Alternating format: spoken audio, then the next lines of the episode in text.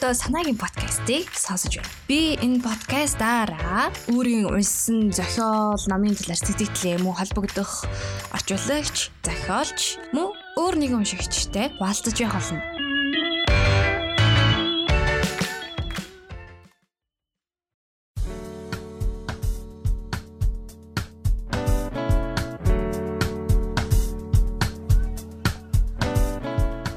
За сайн байцгаана уу? Ингээд санаагийн подкастын маань ээлж дугаар эхлэж байна. Юуны дөрөв сонсогчдоо шинэ оны баярын мэнд хүргэе. Оноо сайхан эхлүүлж байна уу? Тэгээ шин шин зорилтуудаа тавиад бас амьдралыг бас илүү шинэлгээр хараад явж байгаах гэдэгт нь итгэлтэй байна.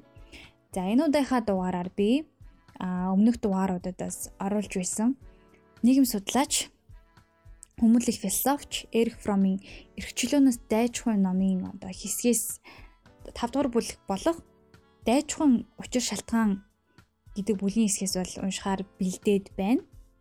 За сонсогчдоосоо бас сэтгэл санал хүлээж аваад Эрик Фромын хувьд одоо эрхчлөөнөөс хүн яагаад дайждгийг одоо нийгмийн эрэг шурга болоход яагаад сэтгэл зүйн тийм бэлэн байдгийг а тэр дундаас энэ масохизм, садизмын талаар юу гэж өгүүлсэнийг бол энэ номдэр дараагийн бүлэгт бичсэн байгаа. Энэ талаар ярих уу гэсэн одоо санал хүсэлтийг маань сонсогч нар маань дэмжиж а энэ удаагийн дугаараа дайчхан учир шалтгаан тэр дотроо дан зохицох үзэгдлийн талаар уншихаар бэлдээд байна.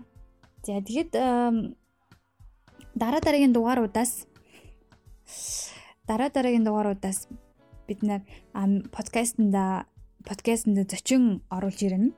А илүү одоо хүргэх хэлбэрээс арай өөр хэлбэрээр сонсогч нартай номтой холбоотой а дугааруудыг хүрэхээр бэлдээ төлөвлөд байгаа.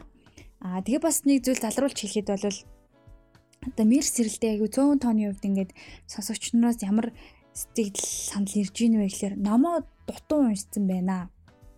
Номоо их дутуу яриад байна гэсэн санал ирсэн. А нэгдүгürt бол бүтэн номыг ярина гэдэг бол бас э, хэцүү нэгт. Хоёр тэгээд э, би тухайн одоо юу гэдгийг уран зохиолын хувьд гэхэд уран зохиолын мэрэгжлийн хүн биш. А нийгэм судлал юм уу? Сэтгэл судлалын талаар одоо ном ярихад бол бас мэрэгжлийн хүн биш.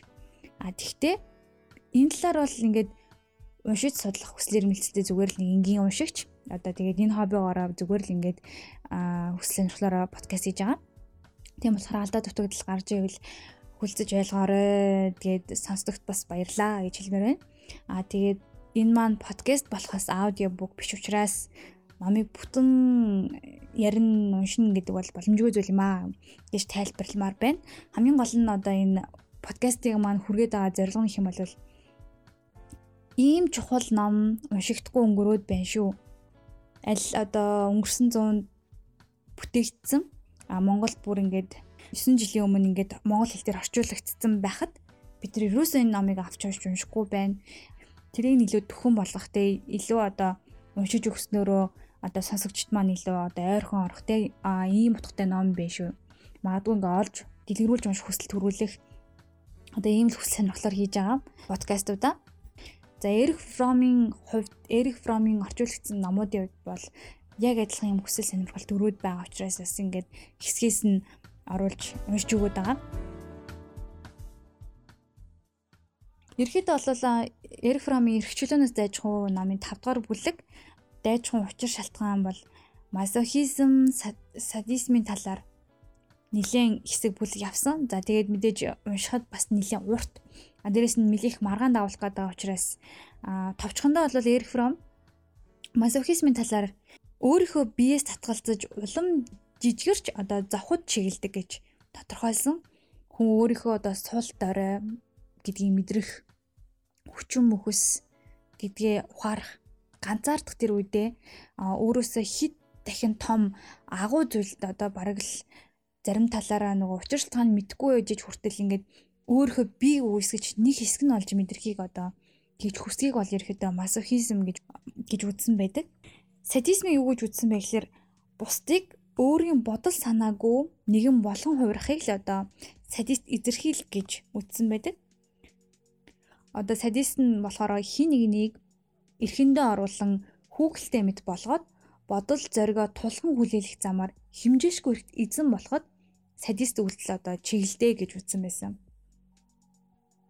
За ин хэрвээ ингэж үзэх юм бол одоо бусдыг доромжлох, а дарлах гэдэг бол сансандаа хүр хэрэгсэл нь болдог. За ялангуяа бас мазохизм, садизм гэдэг бол одоо хүмүүс хоорондын нэг нэгнтэй харилцах харилцаа а ялангуяа одоо хайр сэтгэлдэр бас нэлийн жишээ авч үзчихсэн байсан. За хайр сэтгэлийн үндэс нь тэгш ирэх, эрх чөлөө харин захирагдах аль нэг талын бодит мөн чанар алдагдах байдалтай байвал яаж зүтгэлөө гэсэн энэ бол мазохист хамааралдаг. Садизм ч гэсэн их хайр сэтгэлийн баг нөмөрсөн байх нь бас цөөнгүй. Эрх ашиг нийцүүлэх үүднээс гихчлэн сайхан нэрийн дор дарангуулаач үйл хөдлөл үр даавар нь эцсийн дүн эзлэн төрөмгийл байдаг гэж үзсэн байгаа. Энэ номон дээр болохоор Эрих Фром садизм болон мазохизмыг бол нийгмийн одоо тэр чиг хандлага те нийгмийн үйл ажиллагаатай голцоо холбож тайлбарлсан. А зарим талаараа надад болохоор бас юм шашны хамаарал хүн яагаад хамаартай байдаг вэ? Яагаад өөртөө огт батлаагүй зүйл ингэж аялан дагалдах болдог вэ гэдэг ч юм уу. Тэр талаас бас ярьсан байсан. Яг харилцаа буюу хайр сэтгэлийн тухайд юм бол Air From-ийн одоо хайрлах урлагийн номон дээр бүр илүү дэлгэрэнгүй байгаа. Тэн дээр бас бурхныг хайрлах хайр гэдэг илүү бас хүний тэр сэтгэл зүйн тэр тогтолцоог бас илүү нарийн тайлбарлсан байсан одоо дагалдан зохицох үзэгдлийн талаар Air From юу гэж авч үзснэг сонсцгоё.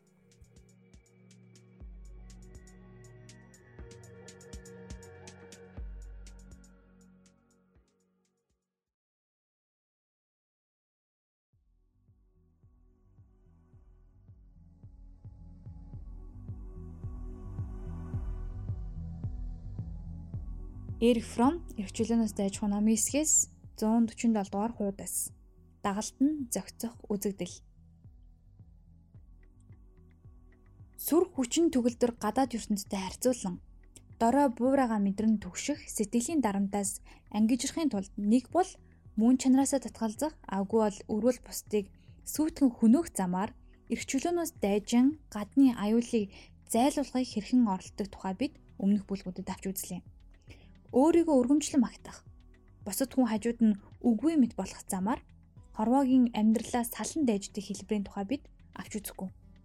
Тухайн хүний сэтгэл зүйн судалгаанд хэрэгтэй болохоор нийгмийн ач холбогдол ихтэй өөр нэгэн хэлбэрийг авч үзэх нь зүйтэй хэмээн бодож байна. Өнөө үеийн ихэнх эрүүл хүмүүсийн хувьд дайжих явдал аврал мэт үзэгдэх болжээ. Өөрөөр хэлбэл өөрийн нүүр царайгаасаа татгалзан нийгмийн зүгээс шаардаж байгаа тэр дүрт хувирахыг илүү үзэх болж Өөрийн нүүр царай гадаад хүрээлэл хоёрын ялгаа арилгахын хэрээр ганцаардал хүчин мөсдгийн айдсаас салдаг аж. Үүнийг гадаад орчингоос нь ялгахын аргагүй арьстай зарим амьтантай зүйрлэмээр санагддаг.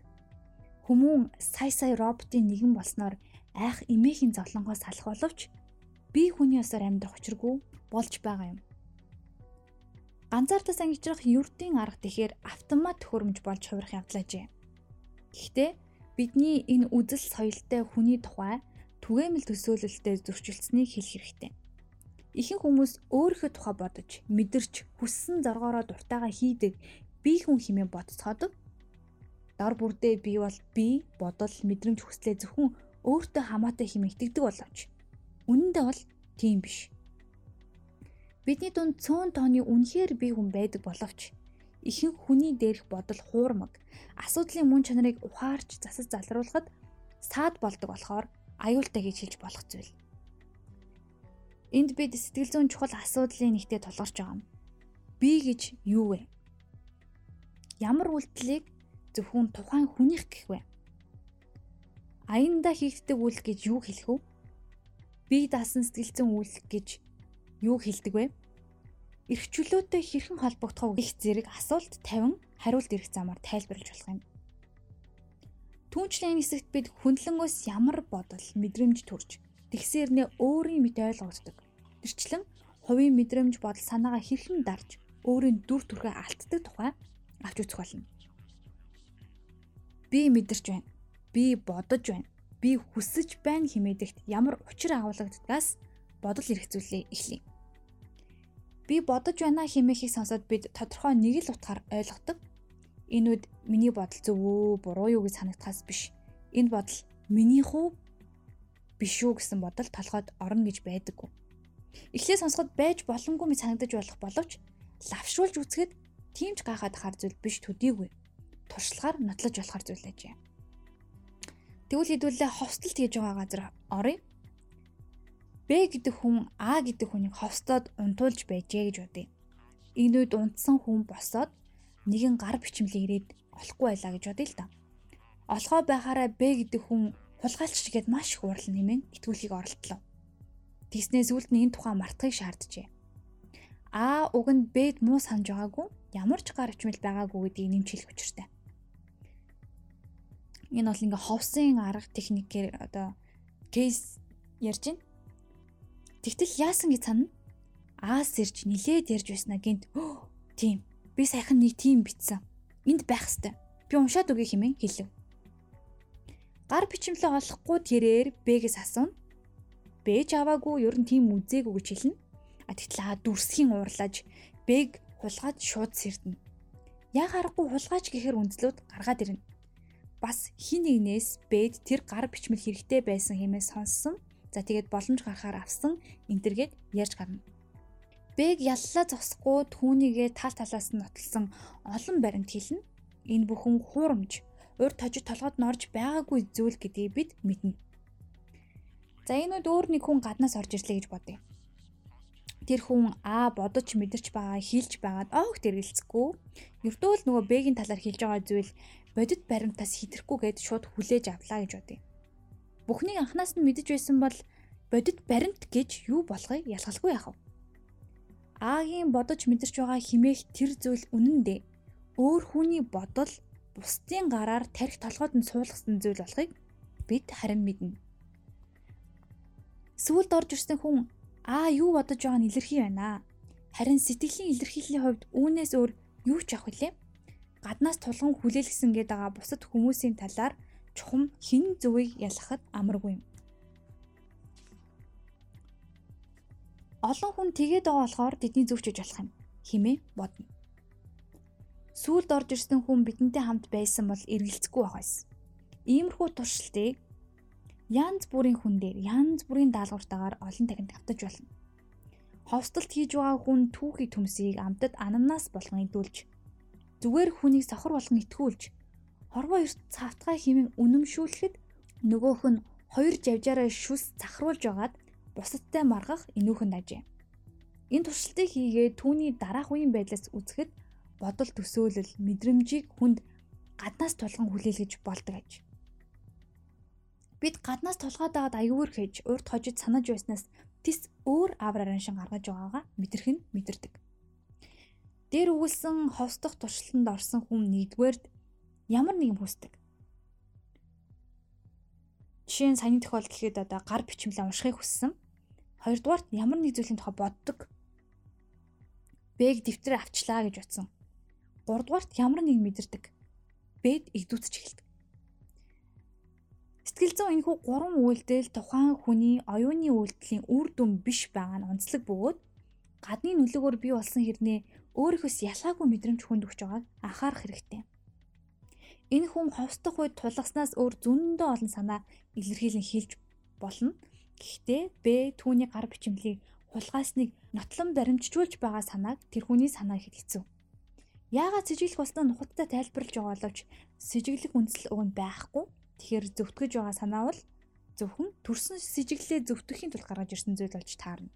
Гэхдээ сэжиглэлээ хилж байгаа үндслээс биш сэжиглэлээс үндслэл гарч байгааг анхаарах хэрэгтэй. Хүн өөрийнхөө сэтгэл зүйн үйлдэлийг буй болсон хэмээн итгэх боловч үнэн дээр гадны нөлөө хүчин зүйлийн дор үүссэнийг бид дээрх туршилтаас харж яриагаа эхэлсэн. Энэ үзэгдэл ховсдох хэмээг тэрхэн үеийн үйлчлэлээр нөлөөлн хязгаарлагддаггүй ажээ.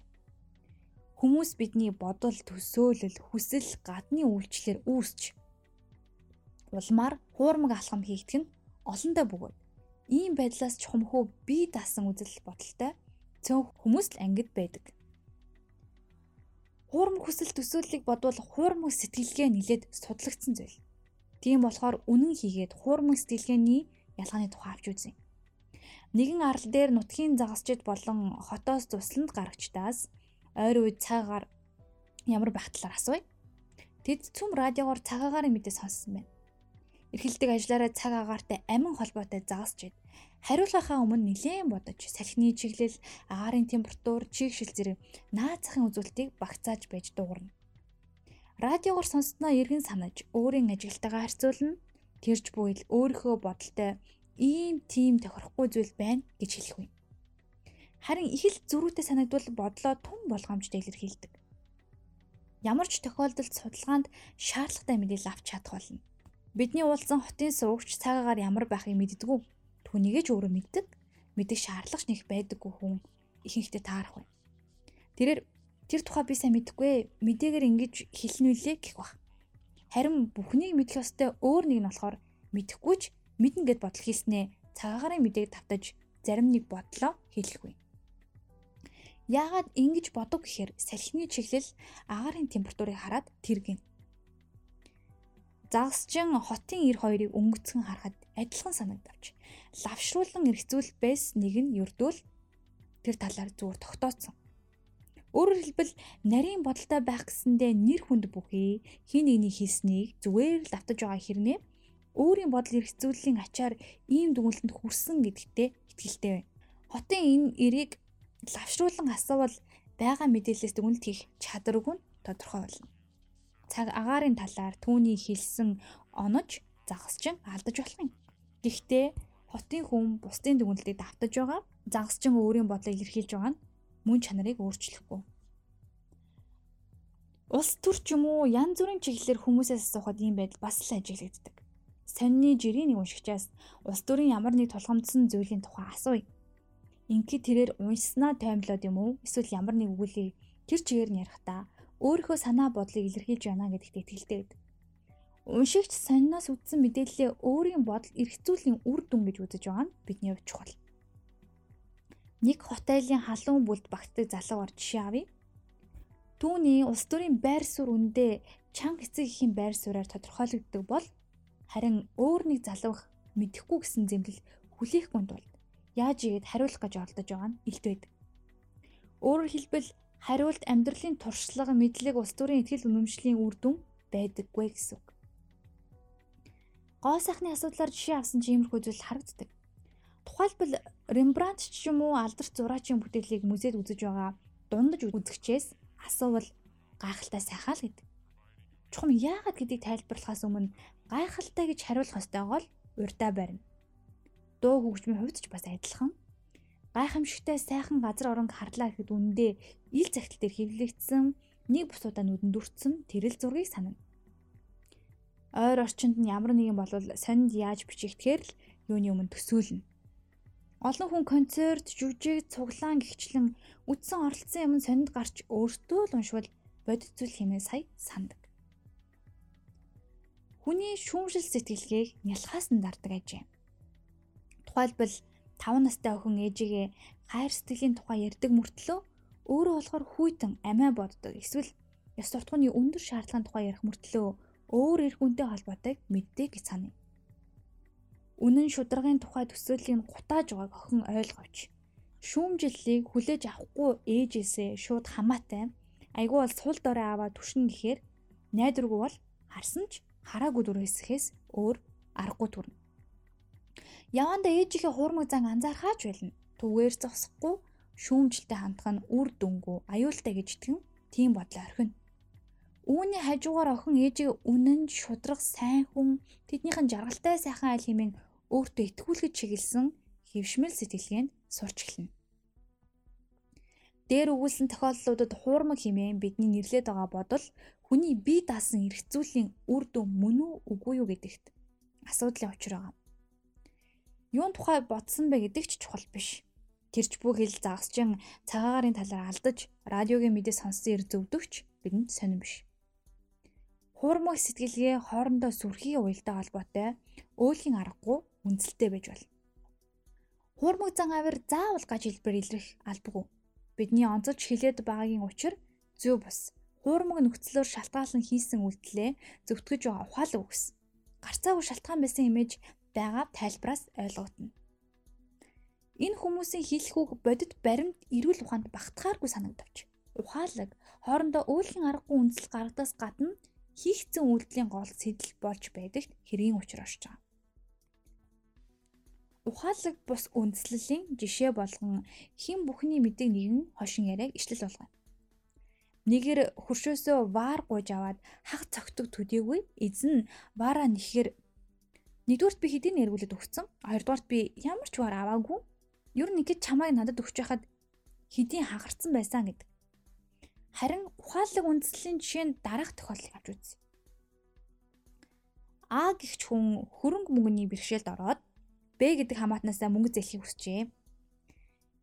Б бусдын хөрөнгөөр аргацах дуртай хариуцлагагүй хүнийг өөгшүүлэхгүй хэмээн зээл өгөхөөс татгалцсан. Ямар ч нөхцөлд зээлэхгүй гэж мэддэж байгаа Б-гийн үндэслэлийг өөлхийн аргагүй. Харин ч А-гийн төлөө санаа зовсон шинжтэй.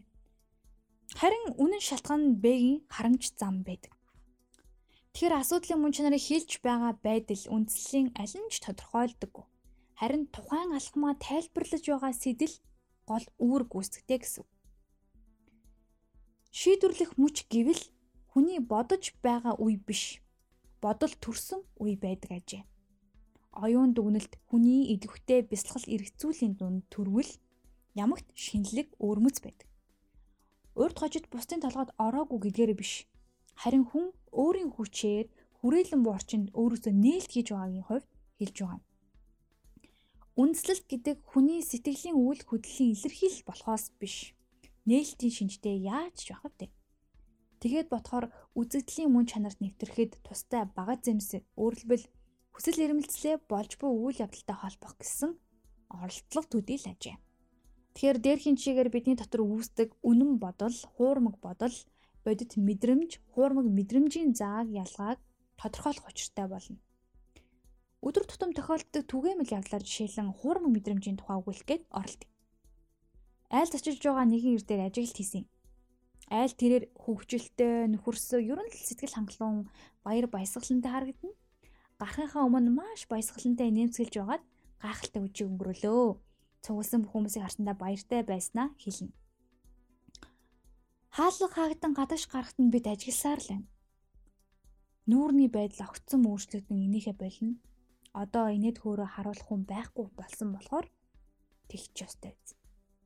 Гэтэл залгаа тэр хүний нүрэн цөхрөл гимээр химжээшгүй их уйтгар гуниг хэсэгхэн зур тодорсноо төтгөн юрдийн засмал түрхэнд орно. Тэрээр машиндаа суугаад үчийн тухай нэхэн эргцүүлснээ ямар ч байсан бусдад гайгүй сэтгэл үлдээжээ хэмээн бодно. Саяхан л энэ хүн хөвгөлтэй жаргалтай байгаагүй л үү? Бидний ажигласан тэр их цөхрөл ер нь юу? Анхаарч анзаараад байхааргүй төр зургийн хэрэг юм болов? Тухайн хүний тухай тодорхой мэдээлэлгүй бол энэ бүхэнд хариулж чадахгүй. Харин дараа нь болсон явдал дээрх явдлыг тайлах түлхүүр болно. Шүн тэрээр дахиад дайнд оролцож байна. Галын шугам давж дайсны цэргийн штаб нэвтрэх даалгавар авч байна. Германы болтой цэргийн даргын хувьц өмсчихсэн Герман цэргийн хэсэг дарга нарын дунд байна хэмээн зүүдлэв. Штабын байрны тогтох бас дээр нь түүнтэй эвтэй сайхан харьцаж байгаад эхлээд гайх боловч төдөлгүй илэрхтчихвэ гэсэн айдас баг багаар эзэмдэнэ. Түүнд онцгой таалагдж байсан нэгэн залуу офицер түүнд би таны хэн болохыг мэднэ аврагдахныг арга байна. Онгоо ярьж бүхнийг инээлгэж хөгжөөж бусдын анхаарлыг өөрөөсөө холдуул хэмээн зөвлөв. Аятайхан зөвлөгөө өгсөн талархсан тэрээр илтэв онгоо ярин бусдыг хөгжөөн баясгаж эхлэв. Тэгтэл хөөр хөгжилтэй байдалтай хэвийн бус үзэгдэх түүнийг хүмүүс сэжигтэй харах хажээ. Хичнээн их сэжигтэй харцгаан хөгжилтэй яриад төдий чинээ зовлон бол. Айдс хүүсээ сүулдэ тисгээ байгаад гадагш гарчгүйхэд араас нь хөөцгөн. Гинэт юм өөрчлөгдөн тэрээр трамвай сууж явснаа гэрийнх нь гадаа зогсно. Энгийн хувцастай тэрээр дайн дуусаж тэ химэн сэтгэл амарлангуй бодно. Маргааш өдөр нь зарим нэг зүйл асууж зүүдэнд гарсан зарим нэг зүйлийг өмнөх үдштэй нь холбох гэж оролдож чаднаа гэж санав. Зарим холбоо шууд ойлгогдно. Тэр орой илэрхий герман аялахтай нэг хүн байсан бөгөөд ойртож татансахын хэртэй хичээгээд байхад огт тоогоог байж. Түүнээс гадна тэр нөхөр түүний тохуурхангүй байртаа харж байсан төдийгүй ярьж байгаагийн сонсч байснаа нэг удаа доктой нэмсэглээд хажууд хүндээ нэг хэлхийг анзаарч. Штабын тохилог байрны тухай сануулгад тэрээр өчигдрийн очсон байшин шиг байранд байрлаж байсан. Бас дээр нь тэр айлын цонхон их адилхан санагцсан хэмээсэн. Энэ мэт төстэй талуудын тухай хэлээд өөрөө ч гайхснаа нэмж тэнд очихын өмнө эргүүлж байгаа бүсгүйн ах бас цаашдын ажил албан тушаал нь хамаарах түүний даргад их нөлөөтэй гэрийн эзэн хоёрт яаж таатай сэтгэл төрүүлэх тухай бодож байснаа хэлв. Тэр даргын өмнө бүнжигнөх, найрсагд хөрсөг зангаар учиртайгаа санахаас дур гутдгаа бас хэлв. Ярианы явцад гэр эзэн ч түүнд таалагддгүй байсны ухаарна мөн тэрээр нэгэн халдсан хүний өвчлөлтийн явдлын талаар ярьснаа гэрийн эзний халдсныг санаад айгуур гэж. Харин трамвайны тухай гайхаж байснаа хүүхэд байхдаа трамвайгаар явдаг байснаа санав. Тэгснээ трамвайн жолоочийн суудалд суучихсан машин жолоодохтой адилхан юм а гэж бодож байснаа хэлв. Тухайн хүний өнгөрсөн хийгээд өдгөөгийн амьдралын тухай бид үнэндээ тодорхой нь хэлээг боловч зүүдний учир ойлгодог хүнд бол дүнэлт хийхэд хүрэлцээтэй болно. Үдшлийн өмнөх сэтгэлийн төвшөрийг ойлгоход хүрэлцээтэй. Энэ хүн өөрт нь таагүй ханддаг гэлээгээ дотроо ундууцдаг. Тэгсэн мөртлөө хэрэгтэй хүмүүст аятайхан сэтгэл төрүүлж чадахгүй байх вэ хэмээн айж төгшөж байсан тодорхой юм. Эндээс үүдээ түүний дэврүүн байдал төгшүүр идүүцлээ нуухын зэрэгцээ бусдыг өөртөө татахын тулд хэрэгэлсэн мих ажаа хэмээн хэлж болохоор байна. Айдас төгшүүрээ дарахын тулд өмссөн баг байж байр суурьндаа ихтгэлгүй байснаас хэдий ч баригдаж болох тагнуултай өөрийгөө адилтгаж байж. Үүд ард нь хаагдах үед нүүрэн тодорсон цөхрөл тохиолдлын гэдгийн учрыг тайлан хэлэхтэй боллоо. Хэдийгээр тэр хүн өөрөө ухаараагүй ч гэсэн чухам энэ үеийн мэдрэмж чухам бидний мэдрэмж болж таарч байна. Харин зүүдэн төвшөр төрүүлж байсан хүмүүстэй шууд холбогдоогүй хэрнээ үйл явдлын учир шалтгаан илүү тодорч байгаа юм. Энэ хүн хийрхүү эсвэл ховстуулсан хүн биш ээ өөрийгөө бусдаар хүлээн зөвшөөрүүлж хүндлүүлэх тухай зов чаналсан өнөө үеийн игэлжирийн нэгэн ир. Түүнээс хүмүүс ямар үед ямар зүйл хүлээдгийг мэддэг тэрэндээ тасч дадсан өөрийнх нь мэдрэмжинд харин байгааг хаа нэг анзаардаг. Тэгсэн мөртлөө хөөрөө хөгжүүн зан юрдөөч өөрийнх нь төрлөх мөн чанар биш гэдгийг ухаараагүй нэгэн билээ. Бодол мэдрэмжийн талаар хэлж байгаа зүйлс хүсэл тэмүүлэлт ч хамаатай. Ихэнх хүмүүс ил үйлчилж байгаа хүч байдаггүй юм чинь гаргаж байгаа шийдвэр тэмүүлж буй хүслийн аль нь минийх хэмээц гэдэг. Өөрийнхөө тухай өгч байгаа үнэлэлт бол харамсалтай их эндүүрэл. Бидний хүслийн ихэнх хүндлэнгөөс хийсэн тулгалтын үр дүн бөгөөд бид илүү их ганцаардах бусад аюулаас эмэгтэй гаргасан шийдвэртээ толгой дан гаргалаа хэмээн итгэхийг оролдог нь бодит үн юм. Хүүхдээ сургуульд явах уу гэхэд явна явна гэцгээд нь яг үнэн үү? Ниллээ тохиолдолд энэ бол эргэлзээтэй хариулт. Хүүхэд хичээлдээ явахдаа дуртай байдаг ч бас явахгүй тогломоор эсвэл өөр юм хэмээр болдгийг бид мэднэ. Хүүхэд хичээлдээ дуртай яваад байгаа бол бусад хүслээ хүчээр дараад байгаа гэсэн. Өдөр болгон хичээлдээ яваасаа хэмээн бусад хүмүүс хүсэж байгааг хүүхэд мэдэрч тэр мэдрэмж нь зайшгүй гүйцэтгэх учиртай үүргээ ухаарахад хүрлцээтэй болсноор үүнийг тайлбарлаж болно. Уг нь хүүхэд заримдаа үнэхээр сургуульд очимоор байдаг. Заримдаа очимооргүй байсан ч очих үүрэгтэй гэдгийн ялгааг ухаарвал илүү баяр сэнгэлтэй байж магадгүй юм. Юутайч гаднаас хүүхдэд үзүүлж байгаа шахалт бусдын хүсэж байгааг хүсэх болсноо сэхэр сөхөөгүй болгодог ажээ. Өөр өөрийн хүслээр гэрэлцгээдэг гэдэгт хүмүүс бас эргэлздэггүй. Ноогцсон үүргээ гүнзгий ухамсарлан үр хүчтэй хариуцлагынхаа дагуу гэрлэх. Эсвэл үнэхээр дур хүсэлтэд хөтлөгдөн гэрлэхийн аль аль нь амьдралд байдаг. Гэрлэх бодолдоо дүрлэгдэж яваад нэг мэтгэд зайл харахгүй болчих тохиолдол бас цөөнгүй. Хуримд хөтлсөн хэдэн сарын турш сүрхий ихтгэл зоригтой байснаа. Яслах өдрийн өглөө гинт адган сандарч айж зүхтмаар болох нь бас бий. Эрүүл ухаантай хүний ийм бодолд орхноо замхарч гэрлэх үү гэсэн асуултанд итгэлтэйгээр тийм ээ хэмээн хариулж харагддаг хэрэгтэй гэдгээр халахлан гадаа дотоод шахалтанд автан хүслээрээ хийж байгаа амьдралын энэ мэт олон жишээг бид татаж чадхаар байна.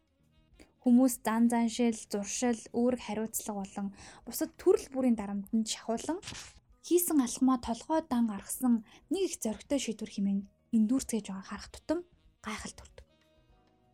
Толгой дан гаргасан шийдвэрийг өнөөгийн нийгэм сайшаадаггүйг мэдэх боловч нөгөөтэйгүр ийм алхам хийх хүн дэндүү цөөрөө юудаа гэж санагдах юм. Сэтгэлзэн хувьд эрүүл хүмүүс дээр судалгаа хийж байхад таардаг хуурмаг хүслийн нэгэн жишээг энд иш татъя.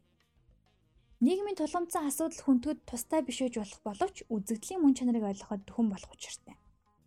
Түүнээс гадна сэтгэл зүйн үзэгдлийг шахан сорих, хуурмаг үйлдэл хөтлөх хоёрын холбоо тодорхой харагдах болно. Шахалтыг хийрхэг араншин зүүд зэргийн учрыг тайлахтай холбон авч үздэг. Түүнээс гадна хүнд шахалт үзүүлснээр бие хүний зан чанарын нэг хэсгийг устгаж мэдрэмжийг хуурмаг болгодог гэдгийг тэмдэглэх хэрэгтэй. Одоо бүгдээрээ анагаахын оюутан 22 настай хүн дээр ажиглал хийцгээе. Тэрээр хичээл номондоо дуртай хүнтэй эвсэг харьцдаг нэгэн хичээлдээ ядрахын цөөнгүй. Түүний тухай амьдралын төлөө хамаг байдгаа зориулдаг хүн гэж хэлж болохгүй ч бас онцгой зовж яваа хүн гэхийн аргагүй. Тэрээр сэтгэл зүйн эмч болох гэж байсан болоод сэтгэл зүйн судалгаанд орж үзэхээр шийдсэн билээ. Хэлсэн ганцхан зовир нь уншснаа мартах, хичээл дээр ядрах, шалгалтаа тааруу өгөх зэргээр сүүлийн үед хичээл дээр зарим нэг бэрхшээл тулгарх болсон явдал.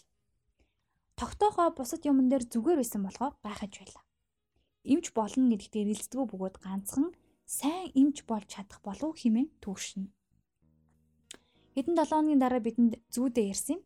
Тэрээр өөрийн барьсан тэнгэр баанцсан байшингийн дээд давхарт баяр багталтай байж байна гинэ. Гэтэл байшин нурж мань хүн дарагдаж хүмүүс ирж нурангийг ухаж түүнийг аварна гэдгийг тэр мэдэж байна гин. Түүний тухай нэг хүн айхтар бэртэж утахгүй эмч ирнэ гэхийг сонсов. Зөндөө удаж байж эмч ирсэн боловч хэрэгтэй бүх юмаа орхиод ирсэн байлаа. Үүн тэр их дүүцэн дургуутж байснаа гинт зүг зүгээр болоод босож зогсов гин. Тэгээд тэр эмчийг шоолж инээж байснаа сэржээ. Тэрээр зүүднийхээ хажуугаар бидэнд хид хідэн шалтак болох зүйл хэлсэн. Өндөр барилгын тухай ярьж байхдаа тэрээр уран барилгын талаар их сонирхдог. Хүүхэд байх үеийн хамгийн дуртай тоглоом гэвэл эвлүүлдэг шоу байсан 17 таахтай барилгачин болно гэдэг байсан. Аавда тэр тухайга хэлтэл миний хөө мэрэгчлээ сонголгүй яхав. Гэхдээ энэ бол хүүхэд цагийн тоглоом наадмын үргэлжлэл болохоор эмнэлгийн чиглэлээр суралцсан дээрээ гэж юм. Ингээд тэр залуу аавынхаа үгэнд орж дахин тэр тухай яриха болон анагаахад сургалж. Хоцорч хамаг юмаа мартан ирсэн эмчтэй холбогдож болох юм хомс байл. Гэсэн чи яриан дунд нэг их ялгаа байгаагүй хэрнэ дадлага ажлынхын цагийг өөрчилсөн ихэд идүүцснээ хэллээ. Одоо ч ингэж ярьж байхад сэтгэл нь айгүй болж байна гэсэн юм. Тэрээр дадлагын багшаа дураараа амтан химээ буруутгаад ингээд бит чинь дуртай амаа хийж болохгүй нэ химээ хэлжээ. Харин одоо тэгж игдүүцэж тийм үг хэлсэндээ гайхдаг бөгөөд одоо хичээл хэвэн явагдаж байгаа юм байна. Хэсэг хугацааны дараа тэр дахин зүвдэлснээ ярьлаа. Аав нь машины хосолд орж эмч болсон тэр аавда туслаж чадаагүй гин шархтаж гимтсэн аавыгаа үзэх гэсэн хамаг бин хөшөөд хөдөлж чадахгүй байсандаа бажигцнаа сэржээ. Сүүлийн үед аавыгаа гинт өвчиж магадгүй хэмээн үе бодох болсон тэр бодлоосоо айдаг тухайга бидэнд дурслаа. Заримдаа өвлөг хөрөнгө түүгээрээ яхаа боддог гин тэр бодлоо хүчээр дардаг байсан болохоор хэлэгч юмар хомс ажээ. Тэрээр хоёр зүудээ харьцуулан хоёуланд нь эмч тусламж үзүүлж чадахгүй байгаад гайхлаа. Тэгээд хизээж эмч болж чадахгүйгээ ойлгосон. Эхний зүудэнд арчаагүй эмчийг шоож товргсон уурлаж байсныг сануулгаа тэрээр эмч өвчтөн туслаж чадаагүй тухай уншихаараа ягаад ч юм дотроо ягаад баярлалгаа өнөө хэр ухаараагүй яснаа хэлсэн юм. Цаашдын судалгаанаас хүчээр дарж байсан нэг зүйл тодорсон. Тэрээр энэ хугацаанд аавда маш их ундууцж явдгаа мэдээд их гайхсан. Бас эмчийн хувьд хүчин мөхөстгийн гачлан үнэн хэрэг дээрээ бүх амьдралыг нь нэвт шувт хатгсан хүчин мөхөстлийн нэг хэсэг гэдгийг ухаарахад бид тусалсан. Уг нь тэрээр хүсэл зорилгохоо дагуу амьдралаа жолоодож яваа гэж сансан чинь сэтгэлийнх нь гүнд хэдийн суучсан дагам баясах зуршилтаа дүрлэгдэж явжээ. Ингээд тэр хүссэн зогоороо аашилж болохгүй харин бусдын хүсэж байгааг гүйцэтгэхэд итгэл үнэмшлийнх нь мөн чанар оршин байсныг ухаарч билээ. Тэрээр нэрэ хизээж хэмж болгосон гэж хүсэж байгаагүйгээ улам улам тод ухаарч сурах идэвхийн сулрал идэвхгүй эсэргүүцэж байсан хэрэг байж. Энэ бол яа харахгүй хувийн хүслээ хүчээр дарж бусдын хүсэл дүрлэгдэж тэгээ зогсохгүй түүнийгээ өөрийн хүсэл болгон хүлээж авдгийн маш том тодорхой жишээ мөн. Хүний хүсэл уурмаг хүслээр солигдсон гэж хэлж болно. Сэтгэлгээ, мэдрэмж, хүсэл сонирхол ийхүү өөрчлөгдөн гэдэг эцэстээ бие хүн маань хуурмаг бие хүн болон өөрчлөгдөнө гэсэн үг. Бодит бие уг нь сэтгэл зүйн үйлдэлийг бүтээн цогцлуулагч байх учиртай. Тэгэхээр хурамч бие бол өөрийнх нь нэрээр бусдын тулгсан дүрийг буй болгодог болж таарч байна гэсэн үг. Хүн ер нь амьдралдаа олон дүр бүтээж тэр болгоныхоо өөрийгөө химэн итгэж явдаг. Үнэндээ бол бодит мөн чанараа алдаагүй маа гэхэд бусдын хүсэл сонирхол таазуулж зүудэх болов гэснээрээ аялаж явдаа гэсэн үг. Харин олон жилийн турш хүчээр дарж явсан тухайн хүний бодит биеийн илэрхийлэл болсон мэдрэмж, бодол үе үе зүуд мөрөөдөл эсвэл согтох үед илэрдэг ажээ. Сэтгэл зүйн бяцлаглалын үед тэнэг бодол бол айжцсэндээ а сайн сайхан юм бол бусдад шоолох вэ гэсэндээ хүчээр дардаг байж тухайн хүнд байгаагаас ч илүү сайн чанар хав дараатай байх нь цөөнгүй. Сэтгэл зүйн бясалгал гэдэг үндсэндээ хүн өөрийнхөө бодит төрхийг олж харах гэсэн оролдлого. Харин чөлөөт харьцуулалт гэдэг нь хүн мэдрэмж, бодлоо үн зүгээр илэрхийлж ярина гэсэн үг. Үнэн гэхээрээ ботсон болгоно ярихын нэр биш. Ердөө л бодол сэтгэлгээ үнэн тэрийг болно, энийг болохгүй гэсэн хориотой хамаагүй байх ёстой гэсэн үг. Фрейд муу бодол дарагддаг тухай онцгойлсон байдаг. Сайн бодолч бас дарагддгийг анзаараг бололтой. Бодит төрхөө алдаж хуурмаг байдалд шилжсэн хувь хүн маш тогтургүй янзтай болдог. Бусдын тулган хүлээлтийн тусгал болно гэдэг өөрийгөөч өөрт итэх итгэлээч барна гэдэг нь тодорхой. Өөрийгөө гиснээс үүсэх сандралаа дарахын тулд дахиад дасах, зохицох, бусдын дэмжлэгийг авахын тулд зүтгэх болно гэсэн үг уг хүн өөрийгөө мэдэхгүй байх нь гол биш. Бусад хүмүүс л түүний хичээл зүтгэл бие авч явахын чадварыг л үнэлж мэдэх нь гол. Хэрв олж харвал итгэж зүтгэх гэдэг ийм хүний үүрэг байх болно. Орчин үеийн нийгэмдэх роботчлал дундаж хүний арчаагүйдэл өөрт үл итгэх байдлыг улам ихсгэж байна. Тийм ч болоод итгэл амлаж эргэлзэхээ огоорхыг уриалж байгаа ямар ч хамаагүй шин засагдлалд итгэхэд бэлэн болоод байна.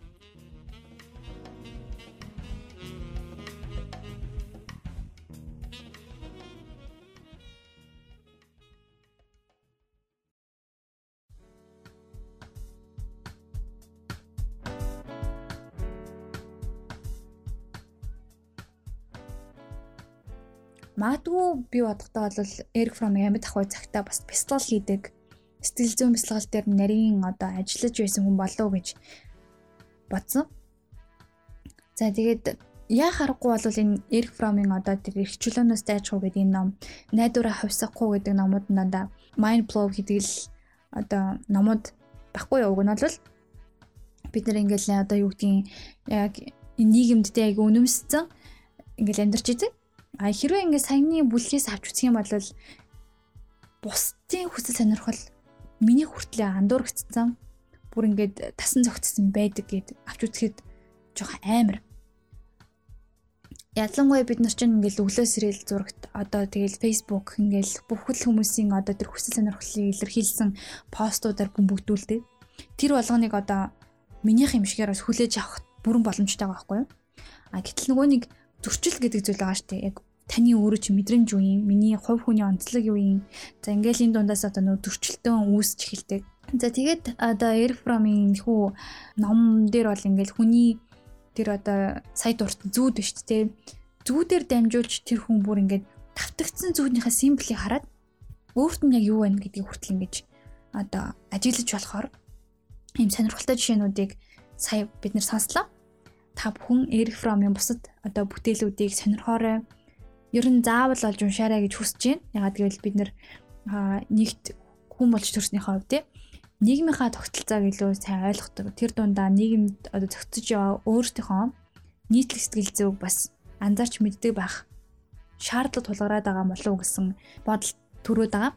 Тийм болохоор Eric Fromm-ийн одоо эрхчлөөнөөс дайчихуу гэдэг номоос салж өгөхгүй үргэлжлүүлээд ингээд яриад байгаа маань ийм учиртай байгаамаа.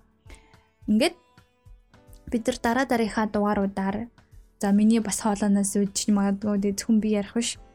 А мэрэгчлийнх нь хүмүүстэй холбогдож одоо ярилцлага хийхээр бэлдэж байгаа. Ингээд дараагийн дугаар хүртэл түр баяртай.